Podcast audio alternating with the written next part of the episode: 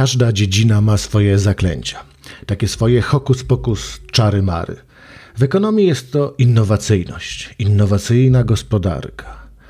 Pojawia się tu przeogromny kult innowacji i innowatorów, ale problem w tym, że oni choć niejednokrotnie naprawdę są błyskotliwi, to tak naprawdę często nie wnoszą aż tak wielkiej wartości dodanej, jak się powszechnie uważa. A my jesteśmy w nich zapatrzeni, tak jak w obrazek, tracimy czujność i mówiąc obrazowo, tańczymy tak, jak nam zagrają. No bo któż ośmieliłby się zaatakować innowatora? Na szczęście są tacy autorzy, którzy potrafią i robią to bardzo trafnie. O tym w tym odcinku podcastu Wiedza nieoczywista o pieniądzach. Bartłomiej Biga, zapraszam serdecznie.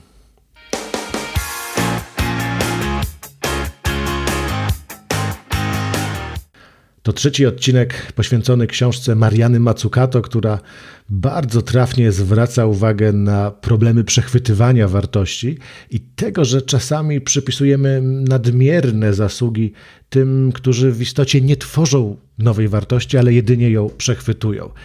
I tutaj opierałem się głównie na książce Wartość Wszystkiego, ale tak naprawdę Mazzucato we wszystkich swoich książkach z różnych stron zwraca uwagę na ten sam problem. I tutaj warto zacząć od jej ulubionego przykładu, czyli od iPhone'a.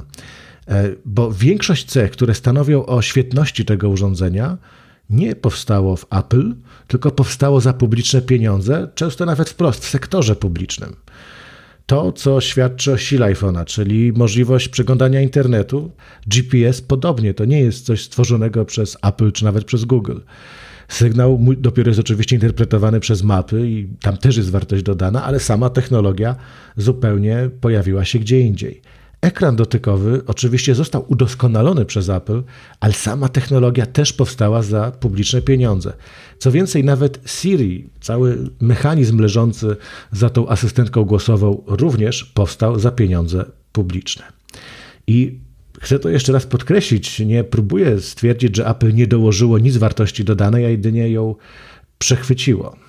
Ale udział w tym sukcesie pieniędzy publicznych jest znaczny, dlatego kiedy na przykład niektórzy dopominają się, żeby takie firmy jak Apple płaciły rozsądne podatki, to nie jest to grabież, to jest raczej coś, co bym traktował jako skromny udział w zyskach ze wspólnie wypracowanych rozwiązań.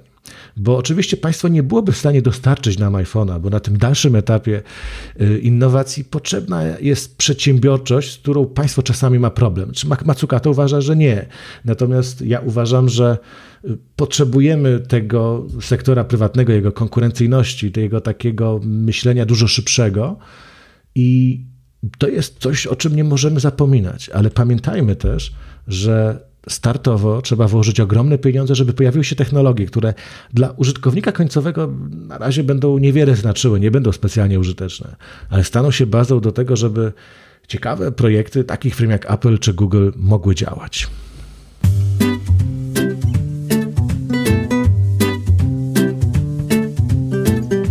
Dlatego wiele osób podkreśla, że Internet to nie jest dzieło wolnego rynku, bo to, co najbardziej cenimy w internecie, powstało nie dzięki takiej rywalizacji, ale jako kooperacja. Zusiwi dodają, że jeśli chodzi o internet, to rynkowi zawdzięczamy reklamy, które zakrywają całe strony.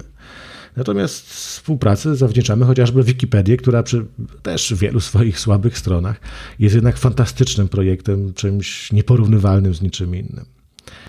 Zatem przemysł technologiczny nie tylko tworzy wartość, ale w dużej mierze ją przejmuje. I tutaj na marginesie warto wtrącić bardzo ciekawe zdanie, które powiedział Oscar Wilde. Mówi tak, że cynik to ktoś, kto zna cenę wszystkiego, ale nie zna wartości niczego.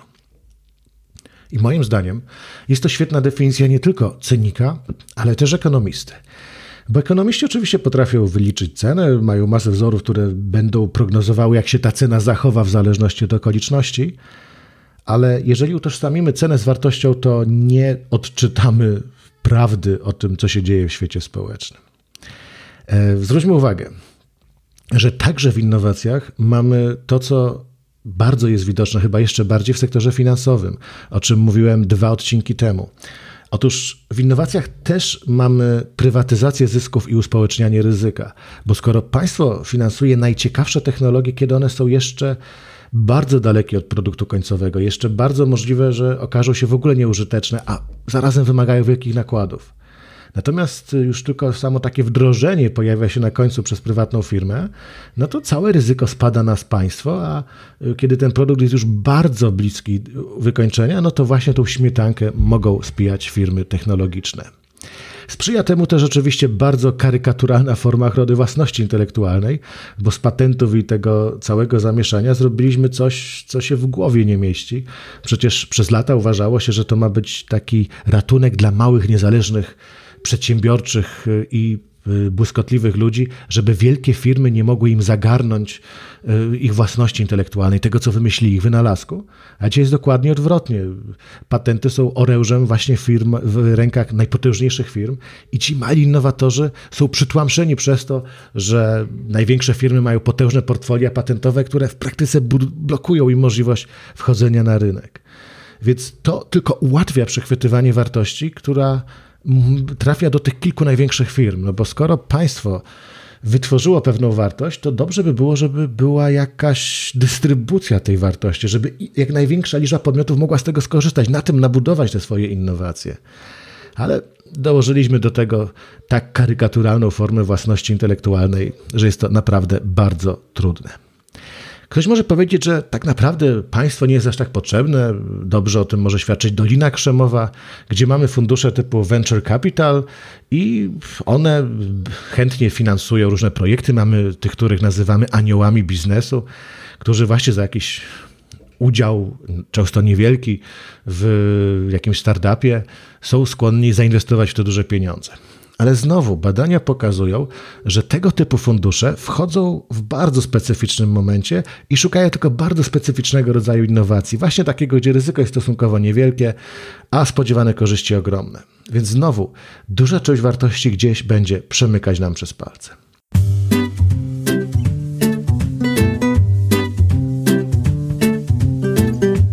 I warto w tym momencie też przypomnieć o tym, że wycena kosmicznie wysoka innowacyjnych przedsiębiorstw nie oddaje, nie odzwierciedla tego, ile wartości takie firmy kreują, ale raczej wynika z tego, ile przechwytują. I oczywiście możemy się zachwycać wspaniałymi wynikami giełdowymi Apple, czy Tesli, czy przez jakiś czas też Ubera. Nawet kiedy jeszcze te firmy, przynajmniej część z nich nie miała dobrych wyników i traktować to jako zapowiedź, jako inwestycję w przyszłość, jako myślenie takie, że w długim terminie to się opłaci.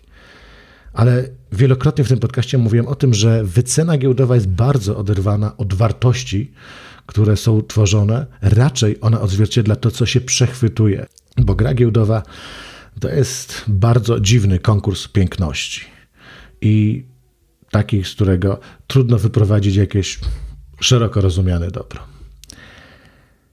Czy państwo może zrobić więcej? Bo skoro zachwalam tutaj, że państwo ma tak wielką rolę w tych innowacjach i tak wiele mu zawdzięczamy, to może po co się ograniczać? Niech państwo pompuje tam jeszcze więcej pieniędzy.